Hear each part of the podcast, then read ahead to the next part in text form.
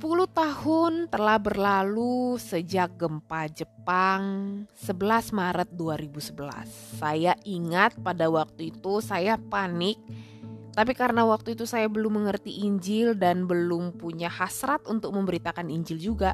Gimana saya bisa punya hasrat memberitakan Injil kalau saya pun belum mengerti dan menikmatinya gitu kan? Tapi waktu itu karena saya suka Naruto, yang saya pikirin waktu itu apakah mangakanya, komikusnya yang bikin Naruto itu selamat atau meninggal. Itu yang justru saya pikirin karena saya takut kalau dia meninggal, Naruto-nya nggak selesai. Lucu juga gue ya. Tapi ya begitulah, jadi memang gempa Jepang ini sangat-sangat menjadi fenomenal, jelas fenomenal karena jumlah yang meninggal juga banyak dan Gempa ini salah satu gempa terbesar sepanjang sejarah Jepang. Jadi lukanya bukan main, kerusakan yang ditimbulkan juga kan sampai bikin masalah di PT apa? Uh, di tenaga nuklirnya gitu ya. Di PLTN-nya gitu. PLTN-nya itu benar-benar bocor parah gitu kan. Belakangan sih sudah boleh dipakai untuk minum. Tapi dulu-dulu tuh nggak boleh, bahkan sempat ada pembatasan produk, terutama produk-produk laut ya. Produk-produk laut kayak ikan gitu dari Sendai ada pembatasan karena takutnya mereka tercemar radioaktif. Itu bertahun-tahun tuh kayak gitu. Jadi dampaknya parah sekali orang Jepang berduka dengan itu dan banyak yang lukanya sampai sekarang berasa dan beberapa orang Jepang yang aku follow itu bahkan update tentang gempa Jepang dan bagaimana mereka menghayati gempa Jepang.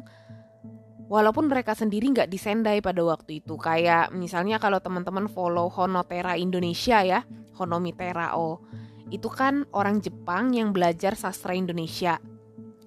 Jadi dia bisa bahasa Indonesia, walaupun bahasa Indonesianya masih lucu sih, tapi it's okay lah. Nah, Honomi ini dia juga cerita gitu tentang gempa Jepang pada uh, gempa Jepang 10 tahun lalu.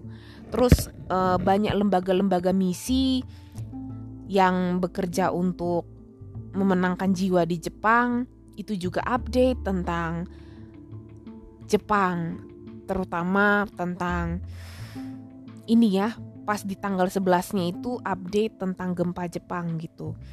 Cuman waktu itu aku tuh lagi baru pemulihan sakit jadi nggak kepikiran bikin podcastnya gitu. Padahal pas banget ya di tanggal 11 Maret gitu tak terbitin pas di momen 10 tahunnya gitu. Nah, satu hal yang aku pelajari karena aku mengerti sekarang bahwa luka itu cuma Tuhan Yesus yang bisa sembuhin, ya memang kita akhirnya harus berdoa gitu. Agar orang-orang yang terdampak gempa ini boleh mengenal Tuhan. Mengenal Tuhan yang benar, beriman dengan benar sehingga hidup mereka dipulihkan. Dan juga ini berlaku sebenarnya untuk berbagai bencana alam dan bencana kemanusiaan. Kita uh, kita ngerti ya bahwa dunia ini sudah jatuh dalam dosa. Jadi di mana-mana pasti ada bencana alam pun bencana kemanusiaan. Perlu didoakan juga supaya dalam momen-momen suffering ya seperti ini orang-orang justru bisa mengenal Allah yang hidup di dalam pengenalan yang benar, mengenal Kristus, menikmati Dia, bertumbuh, mengenal Dia secara benar, mengenal isi hati Tuhan, dan menyelaraskan hati dengan Tuhan. Seperti itu sih kalau yang aku pelajari, karena gak mungkin Tuhan mengampuni seseorang kalau dia juga nggak terima Kristus gitu. Karena siapa yang mau tanggung dosanya ya kan? Kan justru pemulihan itu dimulai dari pengampunan. Bagaimana kita diampuni kalau Kristus tidak mau tanggung dosa kita dan tidak mungkin Kristus mau tanggung dosa kita kalau kita sendiri tidak memutuskan untuk percaya dan taat gitu. Nah, perlu didoakan ya soal uh, bukan hanya Jepang tapi juga setiap bencana alam muncul lah gitu. Karena di masa-masa itu pasca gempa Jepang 10 tahun yang lalu itu ada orang-orang yang bekerja memberitakan Injil tuh datang gitu untuk memberikan pertolongan tapi sambil memberitakan Injil. Kan di Jepang itu sah-sah aja dan ternyata banyak loh yang beroleh iman untuk percaya kepada Tuhan Yesus. Ya nggak banyak-banyak banget juga sih ya. Memang kan belum spiritual awakening juga di Jepang sejauh yang aku tahu. Tapi pada masa itu lumayan lah orang-orang lumayan untuk ukuran Jepang ya.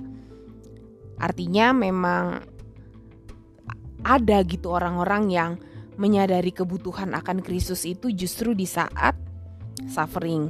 Nah, ini lagi pandemi, kita juga berdoa supaya banyak orang menyadari kebutuhannya akan Kristus, menyadari dia tidak hebat, dia butuh Kristus, jadi bisa beroleh iman untuk percaya kepadanya. Oke, sampai ketemu di episode selanjutnya yang gak tahu kapan. Tetaplah setia untuk berdoa bagi jiwa-jiwa yang belum mengenal Tuhan. See you.